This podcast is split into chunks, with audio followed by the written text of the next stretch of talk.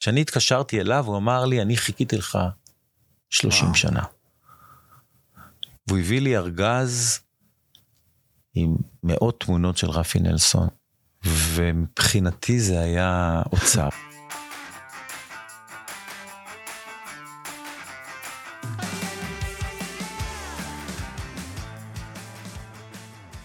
שלום, אבי מאור מרזוק, במאי ויוצר דוקומנטרי. שלום שלום. מה שלומך?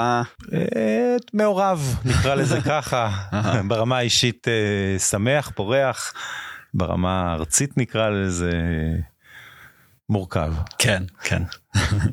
אמרת לי רגע לפני שגם uh, יש לך ניסיון רדיופוני אז אתה מרגיש בנוח פה ליד המיקרופון.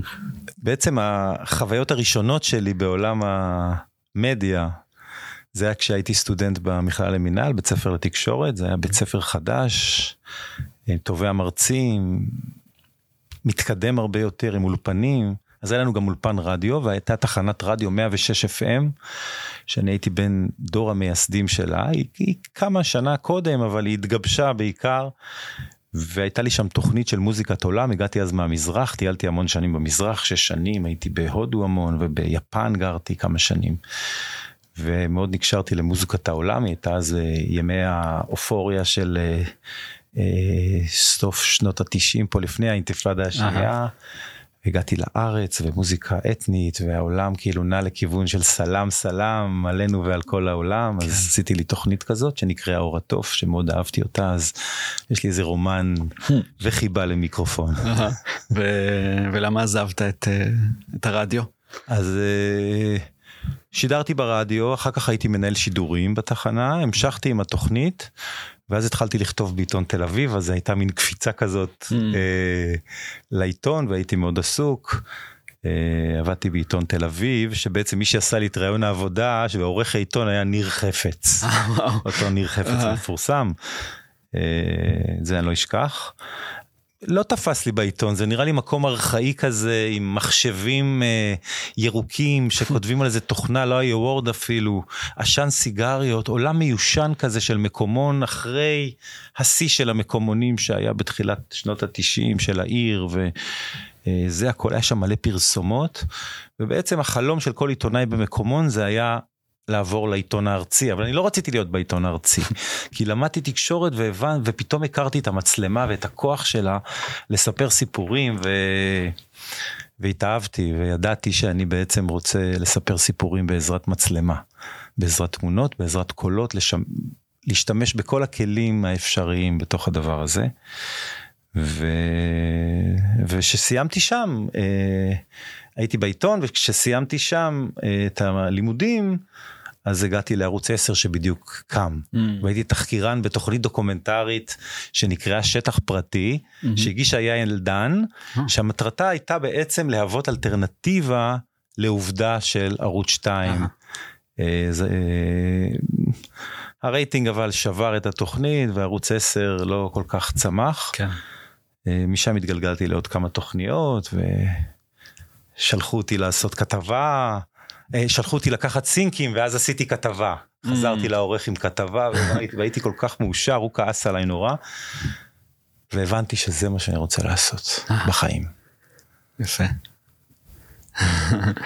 אז uh, קצת כבר הלכנו הלכנו הלכנו אחורה וקדימה ברעיון אבל בשנתיים האחרונות יצאו שני סרטים שיצרת המלחמה האחרונה של נלסון אה, על אה, רפי נלסון וקלון על אה, פרשת הפרשיות השחיתות של בכירי מפא"י בשנות ה-70.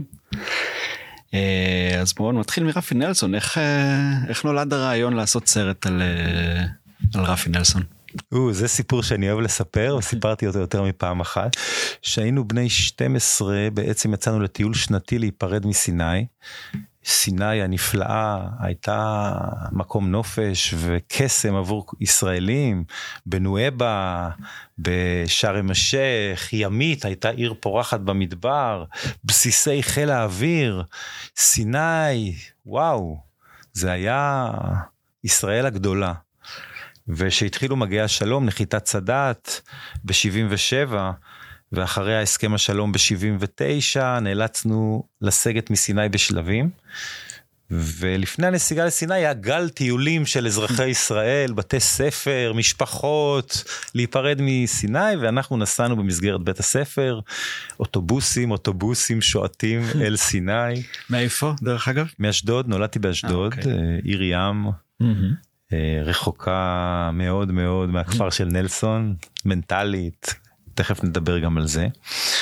ונסענו לנו, הסתובבנו בקעת הירח והפיורד והאזור הזה של אי האלמוגים, שטנו בשירות סירות זכוכית, פעם היו שתים בסירות זכוכית. כדי לראות את הים. כן. והאוטובוסים שלנו עצרו בפתחה הזאת של טאבה מול כפר חוף מגודר בגדר עץ. ועמדנו שם אכלנו סנדוויצ'ים אני לא זוכר מה היה מה הייתה הסיטואציה. אה, ואז אחד מהתלמידים צעק ציצים ציצים ציצים. וכל האוטובוס עלה על הגג כל תושבי האוטובוס עלו על הגג כל יושבי האוטובוס עלו על הגג.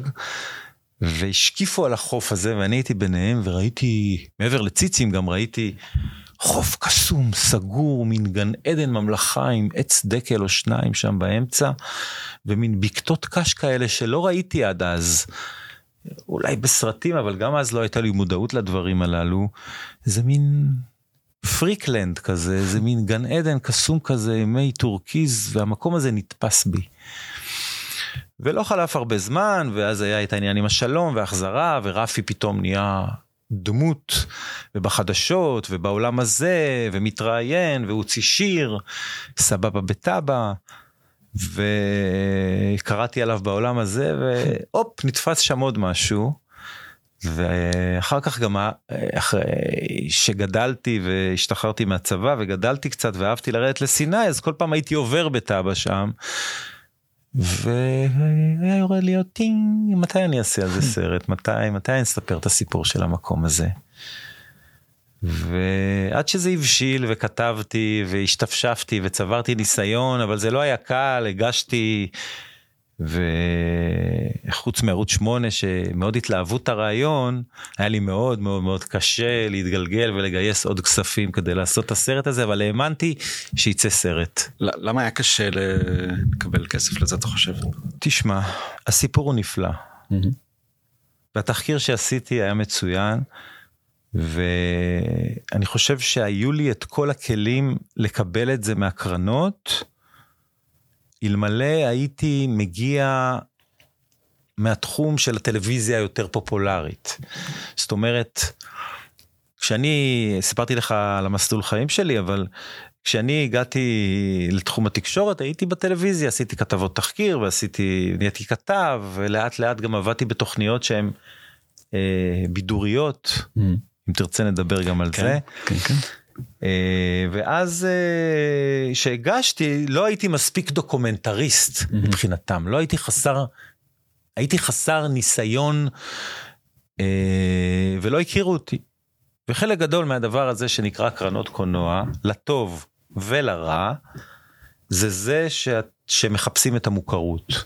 את האדם שעשה, אדם שיצר, ואם אתה חסר ניסיון, אם אתה חדש, מוכשר ככל שתהיה, יש לך תקרת זכוכית מאוד מאוד גבוהה, וזה מאוד מאוד אה, לא עשה לי טוב, שהרגשה אחרי הגשה קיבלתי שלילי, כי ידעתי שיש לי סיפור מעולה. ויש לי דמות מעולה, ויש פה היסטוריה, ואני יכול לספר את כל הסיפור של המזרח התיכון דרך הכפר הקטן הזה. כן. כבר אז הבנתי את הדבר הזה, אבל האמנתי, וזה לא היה קל, אבל הנה. כמה, כמה שנים הסתובבת עם ההצעה הזאת? אה, שש שנים הסתובבתי עם ההצעה הזאת. ערוץ 8 אהבו מיד, אבל הם לא נתנו לי, הם נתנו לי פיתוח, נתנו לי 8,000 שקל, הרגשתי עשיר. לקחתי את הכסף הזה, ואמרתי, אני עכשיו עובד בלפתח את הסרט הזה.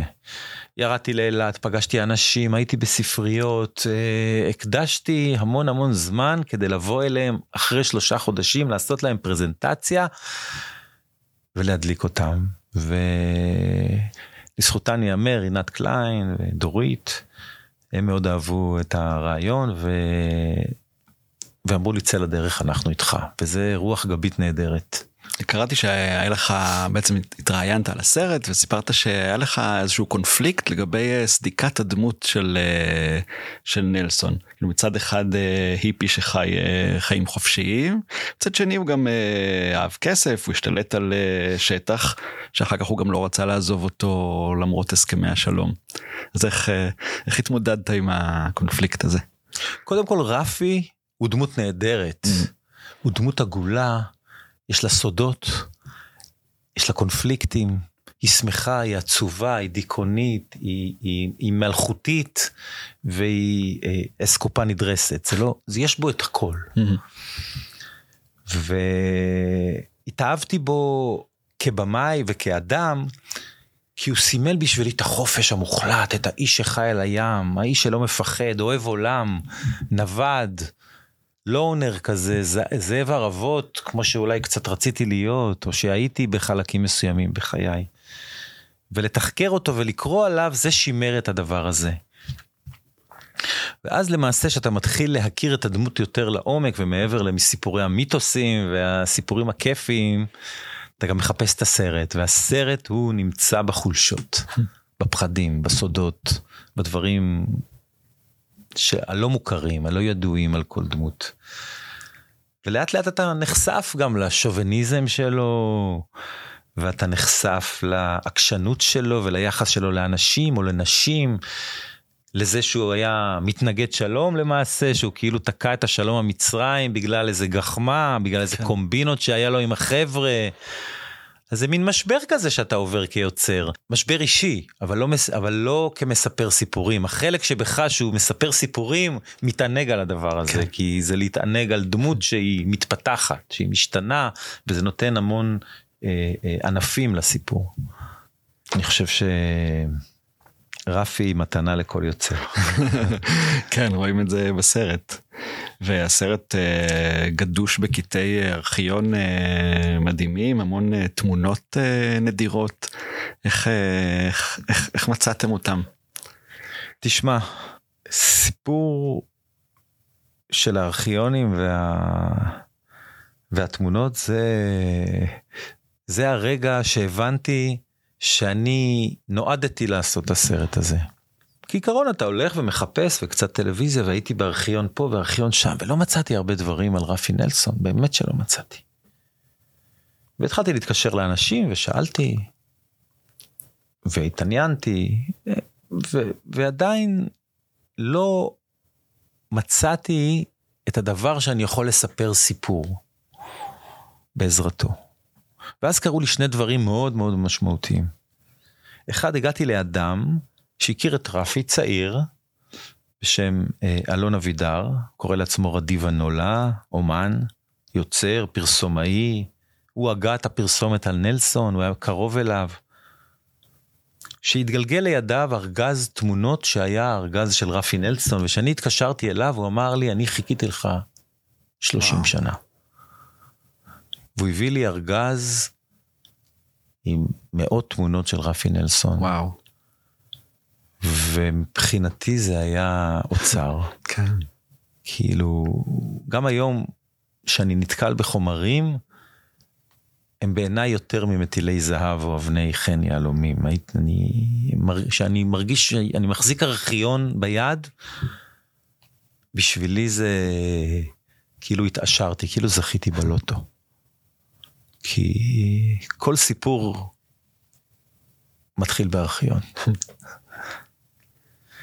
והדבר השני זה שהגעתי לאדם שהיה מקורב לרפי איזה קבלן אילתי, שהייתה לו מצלמת 8 מילימטר והוא היה בין האנשים היחידים באילת שהייתה לו מצלמה כזאת. היה דוקטור מוריס שגם הייתה לו מצלמה. אה, הגעתי גם לארכיון שלו אבל הוא לא היה בכפר של נלסון. אז uh, אותו לואיס הראה לי סרטי 8 מילימטר מדהימים של הכפר ברגעים הכי אינטימיים שלו. ו... ודרכו הבנתי שאני צריך לחפש עוד כמה אנשים שיש להם 8 מילימטר. ובעצם שנות ה-70, הקסם הכי גדול של שנות ה-70, מלבד החופש וההמשכיות של ה-60's, זה זה שהייתה שם מצלמת 8 מילימטר. אגב, גם הבחור שסימן את הגבול, הייתה לו 8 מילימטר, אז, אז מבחינתי גם למצוא את האוצרות של, ה, של חיים שצילם את הגבול זה היה נפלא בעיניי. מי, מי זה החיים הזה? הסיפור הוא כזה בעצם, כשנכנסתי לסיפור של רפי נלסון, בסיפור של הכפר, זה היה סיפור על אדם שהקים כפר, שהכפר הצליח, ואז החזירו אותו למצרים.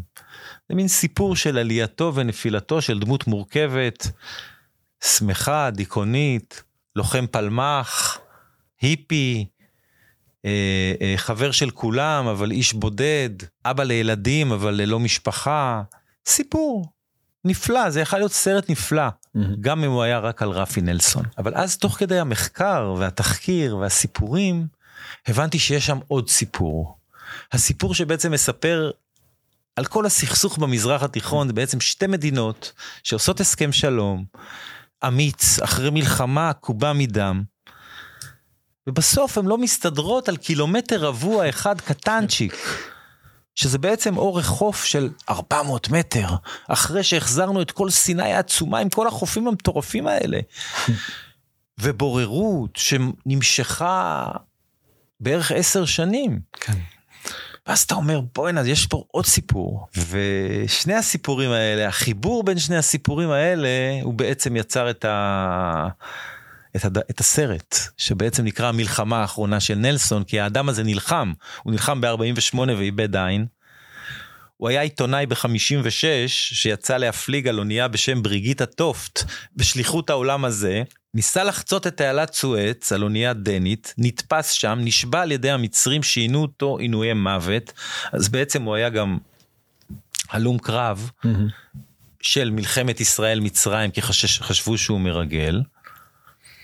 ואז אחרי שהוא הגיע לארץ וניצחנו ב-67 והוא היה חלק מהכובשים כי חבריו הגנרלים בחור בשם אברהם יופי נתן לו שטח על חוף ים בסיני פעם חילקו אדמות גנרלים לקחו אדמות חבריהם קיבלו אדמות בעיקר פלמחניקים אה, הם שלטו פה בארץ באמת הייתה כן. איזה גוורדיה פלמחניקית כזאת אבל עוד ותיקי 48 שחילקו לעצמם והוא קיבל חלקת ים ההוא קיבל אחוזה פה, הר ציון קיבל פה, זה קיבל שם, ורפי קיבל חלקה נחמדה קרוב לאילת, בפתחת טאבה, מקום נפלא, קרוב.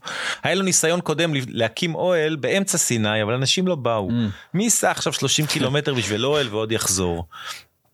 אז אנשים שהוא התקרב לאילת זה היה נוח ואז כל החברים שלו אנשי הבוהמה הגנרלים הברנז'ה העיתונאים והצלמים ולאט לאט זה נהיה מין קולוניה כזאת מבודדת של האליטה הישראלית. מהאחים עופר דרך שחקנים חברי כנסת אה, כולם נמהלו והתערבבו בביצה הקטנה הזאת והוא היה מין ראש השבט כזה עשה להם fun נתן להם מוזיקה המציא ימים מטורפים חגים מטורפים חג היין חג העקרבים אה, אה, מצא סיבה למסיבה ואנשים חגגו. ואנשים באו בעצם לחגוג אצל רפיל נלסון את החיים. זו הייתה תקופה מטורפת, זה היה אחרי 67, החברה צמחה, אה, אה, הייתה איזו תחושה של חופש. והוא היה האדם הנכון במקום הנכון כן. בזמן הנכון ו... וזה וזה בעצם וזה האוצר הזה של המקום הזה עם העגל זהב שם על ההר שאתה מבין שבעצם יש זה גם מושג כזה כן. של עגל זהב של של תרבות שהיא בעצם אכול ושתה כי מחר נמות. זה היה קסם. ואז אתה רואה ששתי מדינות נלחמות על הדבר הזה, על, ה, על החלקת כן. חוף ים, אתה אומר יש כאן סיפור. כי זה לא הר הבית. שמשם מוחמד עלה לשמיים ו, וישו נצלב, אתה אומר מקום קדוש. אתה מבין שבעצם שקדושת האדמה במזרח התיכון היא בעצם גדולה יותר מכל דבר. כל אינץ' פה, כן. כל סנטימטר פה הוא, הוא נקנה בדם. כן, כמה מהר נקשרים לכל אה, פיסת אדמה. זה היה אתגר לספר את הסיפור שיש לך שני צירים עלילתיים שאחד הוא בעצם ציר אישי של אדם אדוניסט עם עליות וירידות ויש לך ציר מאוד כבד שאתה צריך לספר בו דברים על פוליטיקה ועל אינטריגות בין פרס לשמיר ועל היחסים בין סאדאת לבין עזר ויצמן ואתה צריך גם אה, אה, לתת פרטים על סימוני גבולות וועדות ובוררויות ובתהליך העריכה היה תהליך מאוד מאוד מורכב, אה, לא קל. שבסוף הכל מתחבר ואתם רואים את הסרט, אומרים איזה יופי, איזה חיבור, איזה תסריט, זה נקנה בדם. מה, לאורך כמה זמן אה, נמשכה העריכה? העריכה הייתה בערך תקופה של שנה, אבל גם באמצע היו לי שם עניינים, ואבא שלי חלה. אה. שהקדשתי לו את הסרט, אני הקדשתי את הסרט לאבא שלי, כי אבא שלי אה, נולד במצרים, הוא היה איש של שלום, ואחד הימים המאושרים בחייו היה הגעתו של הנשיא סאדאת, וזה נחקק בזיכרוני.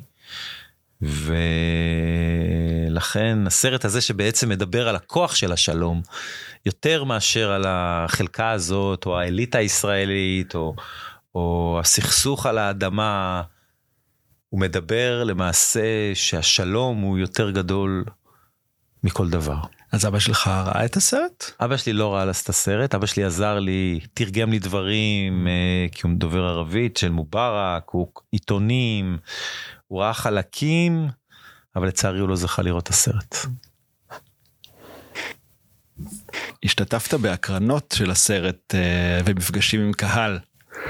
אז אה, איך, איך החוויה הזאת של לפגוש את הקהל ולדבר איתו אחרי הסרט?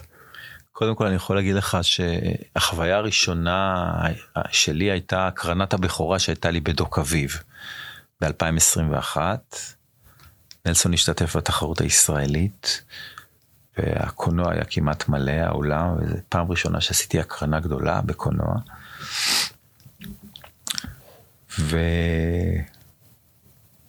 וכל כך התרגשתי לשמוע את הקהל צוחק ומתרגש ו...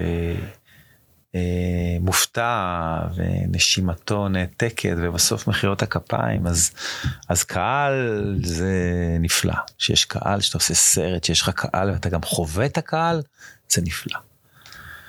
ובן דודיי ברחבי הארץ בהקר... בהקרנות תמיד יש את אלה שהיו בכפר ויכולים לספר סיפור ובאים לקבל עוד מנת נוסטלגיה שזה תמיד כיף לשמוע ולשתף ולהכיר עוד זוויות. אה, ויש את הצעירים שאמרנו אומרים אוי חבל שלא היינו איזה תקופה פספסנו איפה הימים איפה הזה. אז גם זה וואלה מרגש שאנשים בעצם מתארגים על מקום שהם לא היו בו שהם כמהים לאיזה משהו אה, זה גם היה נפלא. ואני אוהב שמקרינים את הסרט יאללה יאללה מי שומע תזמינו. אז בעצם הסרט השני שיצרת בשנים האחרונות הוא קלון שגם אה, מתרחש באותם אה, באותם שנים בשנות ה-70 איך, איך הרעיון הזה נולד? הרעיון נולד אה, על ידי מפיק בשם אמיר הראל מפיק דוקומנטרי ו features שאביו היה חבר כנסת במפלגת העבודה. אנחנו מכירים בקטנה, בשכונה, ואז הוא התקשר אליי והציע לי את הסרט, את הרעיון, הדלקתי כי פוליטיקה שבתה אותי עוד מגיל צעיר, קראתי מוספי פוליטיקה ופרשנויות פוליטיות, ואני חיה פוליטית. בעיקר היסטוריה. אני רואה את עצמי איזה סוג של היסטוריון. כשהייתי ילד אמרו, הוא יהיה היסטוריון, הוא יהיה היסטוריון. תמיד קראתי ספרי היסטוריה, תמיד עניין אותי היסטוריה. חשבו שאני מאוהב במורה להיסטוריה, אבל לא הייתי מאוהב במורה להיסטוריה, הייתי מאוהב בהיסטוריה. ובאיזשהו שלב רציתי גם להיות עיתונאי, רציתי להיות עיתונאי. ומה שאני עושה עכשיו זה, זה שילוב של שני הדברים, אני גם עיתונאי וגם אני היסטוריון, אני בעצם מספר סיפורים דוקומנטריים שעוסקים בעבר, אני אוהב לספר על העבר, אני אוהב לספר על שנות ה-70, שנות ה-70 מבחינתי הם קו פרשת המים של החברה בישראל, גם יום כיפור, גם המהפך הפוליטי, גם השלום עם מצרים, אה, המון דברים קרו שם. שינוי האליטות, זה מין נקודה כזאת, שקורים שם כל כך הרבה דברים ו- וכל פעם אני מוצא סיפור אחר, הנה עכשיו אני עושה סיפור על מלחמת יום כיפור, ואז אמרו לי, מה, כבר לא סיפרו הכל על מלחמת יום כיפור? לא, לא סיפרו הכל על מלחמת יום כיפור. ונכנסתי לתחקיר ומצאתי סיפור אה, שמאוד מתכתב עם היום, עם כל הפרשת השחיתות ולמה קרה לנו ואיך פעם הייתה בושה. ואיך פעם פוליטיקאים או, או אנשים שהם היו אנשי ציבור ש, אה, קיבלו על עצמם בעצם גם את המחיר האישי שזה דורש. שחיתות הייתה מאז ומעולם, מתולדות האנושות הייתה שחיתות, כי כוח מביא איתו בעצם שחיתות, ואנשים שנמצאים קרוב לצלחת, הם ינסו לקחת מהצלחת והפרצה קוראת לגנב. לא כולם גנבים, אבל הפרצה, הפרצה היא ממזרתה. גם, בגלל זה גם צריך שתי קדנציות וזהו. אפשר שיהיה שם אה, אה, אנשים שיהיו יותר מדי זמן בשלטון. כי זה מעוור ומסנוור. וככה קרה גם למפא"י. וזיהיתי גם בשתי הפרשיות האלה למעשה את המפץ הזה שגרם לחילופי השלטון בישראל. אז גם ההקשר העכשווי של שלטון מושחת ובושה ומה קרה לערך הבושה, עם כל מה שהיה מסביב, שזה למעשה איך התקשורת תפקדה, איך היועץ המשפטי תפקד, איך המשטרה תפקדה, איזה עצמאות היה לגופים המשפטיים והמשטרתיים מול הפוליטיקאים שהיו חזקים ומפא"י הייתה מפלצת. היה אפשר להרים טלפון לשר המשטרה או למפכ"ל ולהגיד לו די סגור את התיק. אבל אז קרה השינוי. וזה מאוד סקרן לספר על השינוי הזה שפתאום פוליטיקאים לא חסינים יותר. שפתאום אם אתה סורח אם אתה גונב, אם אתה מושחת, הציבור מעניש אותך והשלטון צריך להתחלף. ומעבר לזה היו גם רבדים אישיים מאוד מאוד מעניינים בתוך הגיבורים של הסיפור הזה, שזה אה, אברהם עופר שהיה שר השיכון, איש שמאל מובהק, אה, איש תרבות, אה, ואשר ידלין, שחצן, בן אליטות, נשוי לבת של אליהו גולום שהיה מפקד ההגנה. ומה קרה לשניים האלה שהם בעצם נאבדו שם בין מנעמי השלטון? הייתה לי זכות גדולה לעשות את הסרט הזה. אגב, הוא סרט שקיבל המון תגובות גם בעיתונות וכתבו עליו בארץ ו... ועורר תשומת לב כי הרבה הוגי דעות, עיתונאים, אנשים השתמשו בסרט הזה וזה מאוד ריגש אותי כדי להביע דעתם על מה שקורה היום. Mm-hmm. על המוסר האישי של פוליטיקאים, על מושג הבושה, על כוחו של היועץ המשפטי לממשלה, אה, על המשטרה, על אומץ ליבה, וכל פעם שהוא משודר אני אומר וואו, איזה כיף. כן. כשניגשת לסרט ידעת את הסיפור בגדול, אבל במהלך העבודה עליו למדת דברים חדשים ש...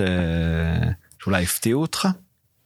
כן, קודם כל, אה, זיגל, החוקר האמיץ שלא מפחד מאף אחד, שהיה בעצם איזה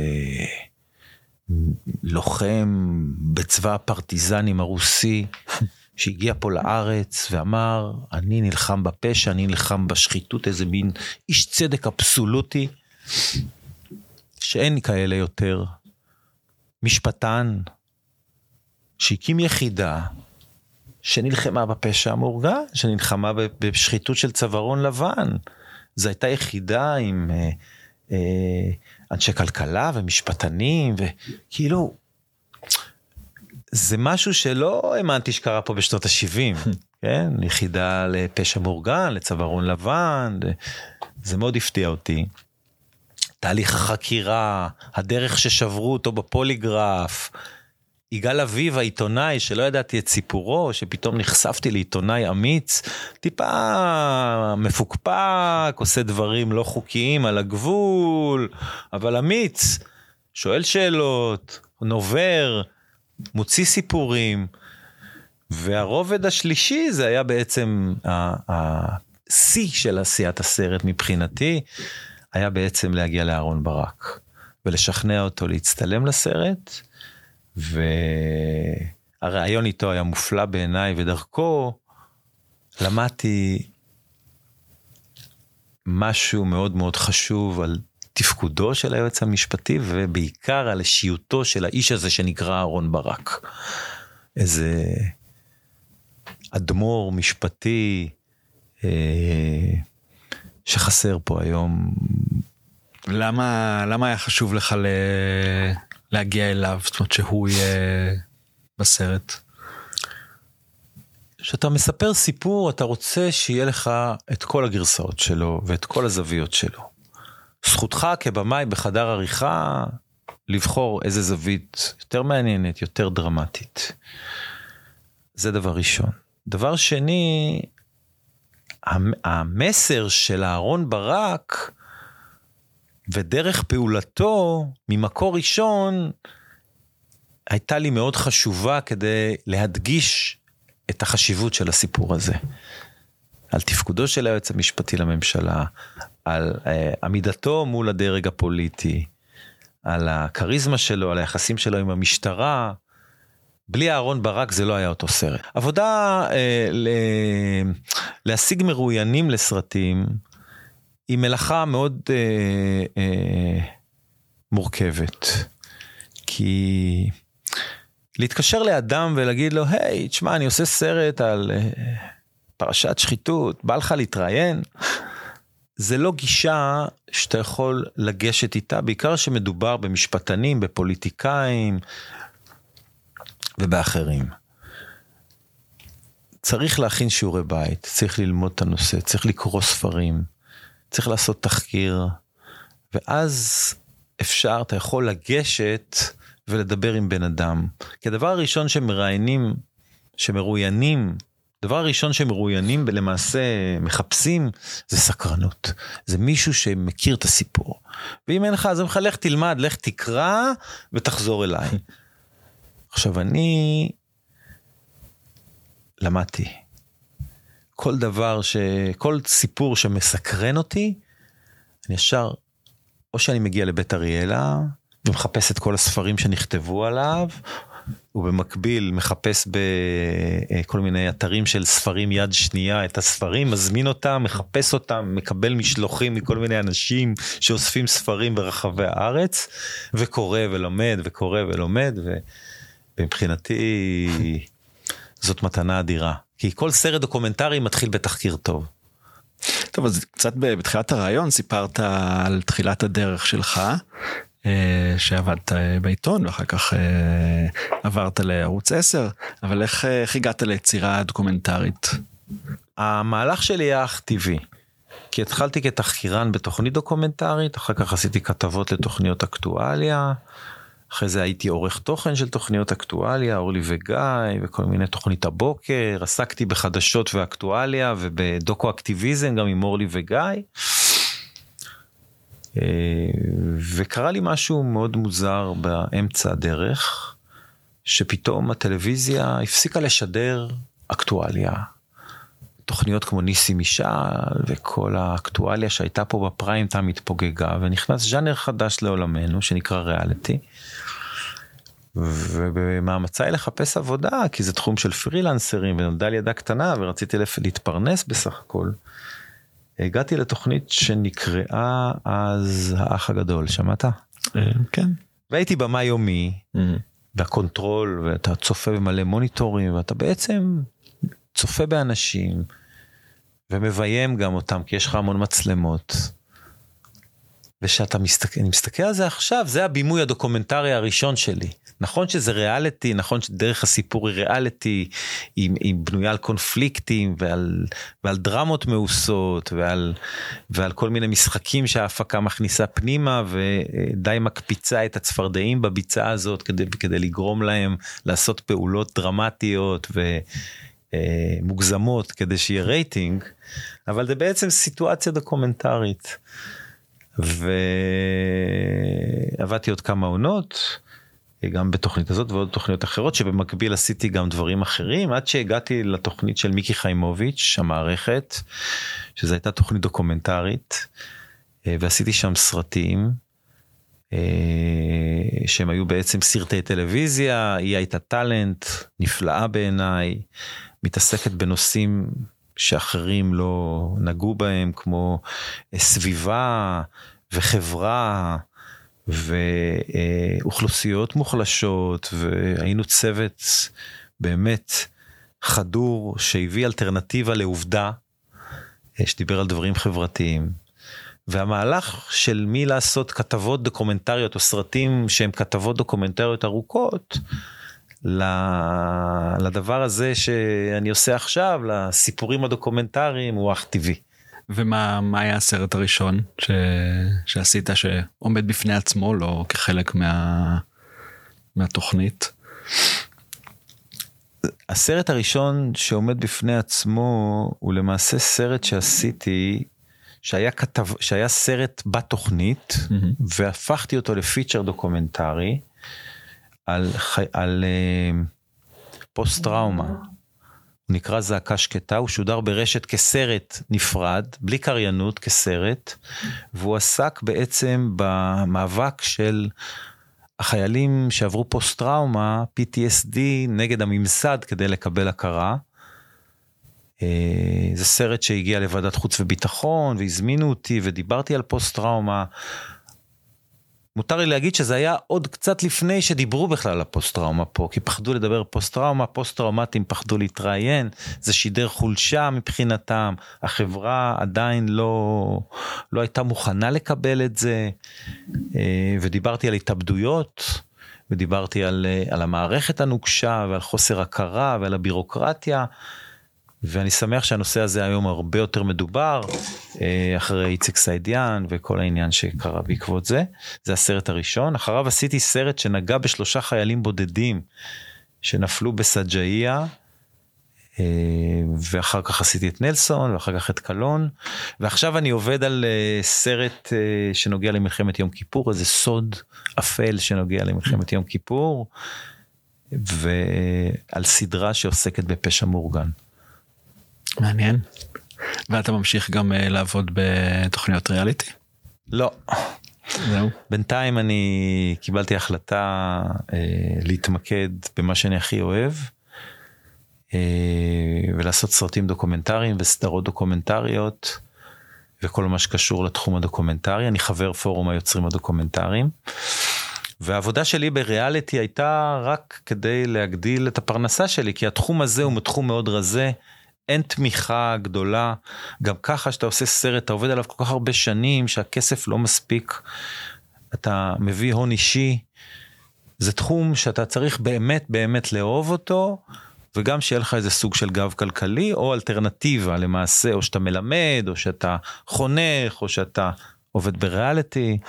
אתה צריך להביא את הכסף, או שאתה, אשתך הייטקיסטית או משהו, אבל אשתי נועה היא במאי דוקומנטרית. היא עושה סרטים, היא עשתה סדרה לאחרונה על דוקטור רודי, שהייתה בערוץ 8, היא כן. עשתה את הסרט סבוטאז' שזכה בפורום היוצרים הדוקומנטריים. היא יוצרת ומרצה לקולנוע, אה, ותסריטאית גם. אז אה, מקווה שילך לנו. כן, אז, אז איך, איך, איך, איך יכולת להרשות לעצמך לעזוב את הריאליטי? זה החלטה. זה החלטה. מקווה שהיא תהיה נבונה, אני כרגע אה, מנסה אה, לפתח איזה מחלקה דוקומנטרית עם משרד הפקות, אה, זו ה Films, לייצר תוכן דוקומנטרי, ונקווה שיצליח. הלוואי, כן. אה, אז בעצם אם כן נמשיך לדבר קצת על הריאליטי אז אה, כן עשית את זה במשך אה, כמה שנים טובות ואמרת שזה היה הניסיון הדוקומנטרי הראשון שלך בעצם מה מה מה למדת שם ש, שעזר לך אחר כך בדוקו. תראה, לא כל הריאליטי הוא דוקו, אבל הריאליטי הוא יצא מהדוקו, והאח הגדול, דווקא האח הגדול, אה, אתה מין צופה כזה בסיטואציה, אתה מין מתעד סיטואציה שאתה לא יכול להשפיע עליה, אז מהבחינה הזאת זה פיור דוקו, פיור תיעוד של המציאות. הסיפור הוא ריאליטי, הצורה שאתה מספר אותו, המוזיקה שלו, אז קודם כל להתבונן בסיטואציה, להקשיב לסיטואציה, לזהות את הדמויות בסיטואציה. אתה לומד המון בדינמיקה בין אנשים, בשפת גוף שלהם. אה, אה, בקונפליקט בעצם, כי בעצם כל סרט, דוקומנטרי או לא דוקומנטרי, הוא בנוי על קונפליקט. על רצון ועל מכשול ועל מישהו שרוצה משהו או משהו שלא קורה או כן קורה. אז בעצם הסיפור, זה בעצם הסיפור, זה בעצם אריסטו. זה לא משנה אם זה ריאליטי או דוקו ריאליטי או כתבת חדשות או, או ספר ילדים, כולם בנויים על איזה מנגנון סיפורי. בכולם יש כמעט אותו מנגנון סיפורי. אה, ו, ו, ואני מספר סיפורים, אם, ישאל, אם תשאל אותי מה אני, אני מספר סיפורים. אני משתמש במצלמה, אני יכול להשתמש במילים, אני יכול לכתוב אותם. כרגע אני עושה דוקומנטרי, היסטורי, ארכיוני, אבל אני מספר סיפורים. אני מספר סיפורים מוסר השכל שאפשר ללמוד מהם, שמאירים משהו על העבר, שחושפים סוד. וזה מה שאני אוהב לעשות. אחרי תחקיר ארוך שכבר uh, קראת ולמדת והיית בארכיונים, אתה לא אומר לעצמך, רגע, אז עכשיו בעצם קיבלתי את מה שרציתי, למה צריך עכשיו גם uh, ללכת ולעשות את הסרט הזה? תשמע, זו שאלה טובה.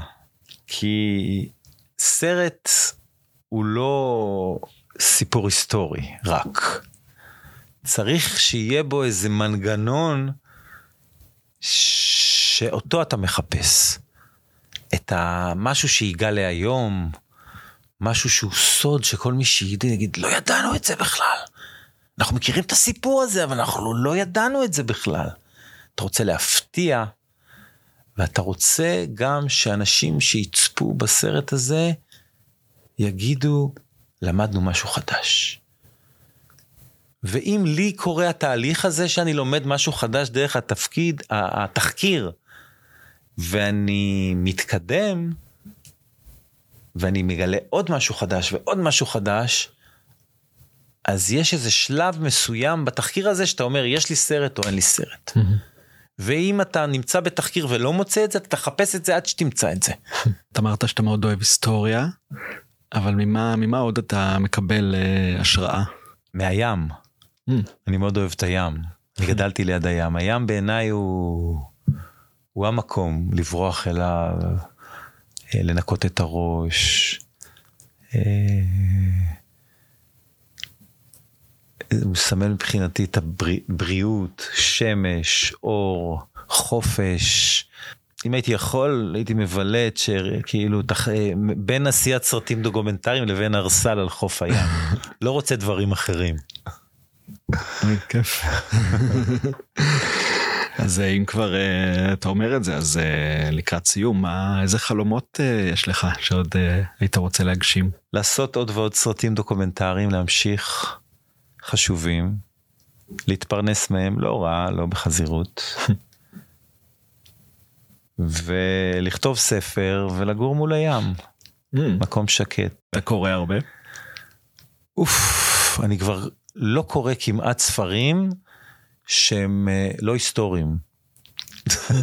אני קורא שלושה ספרים נגיד על מלחמת יום כיפור במקביל ואז סרטים על המאפיה פה וסרטים על, על פוליטיקאים אני נשאבתי לעולם ספרי העיון ופחות הרומנים וזה חסר לי ואני מחכה לחופשה כדי להתחיל לקרוא ספרים. כאילו ארסל על הים זה גם כי אני אוהב לקרוא ספרים.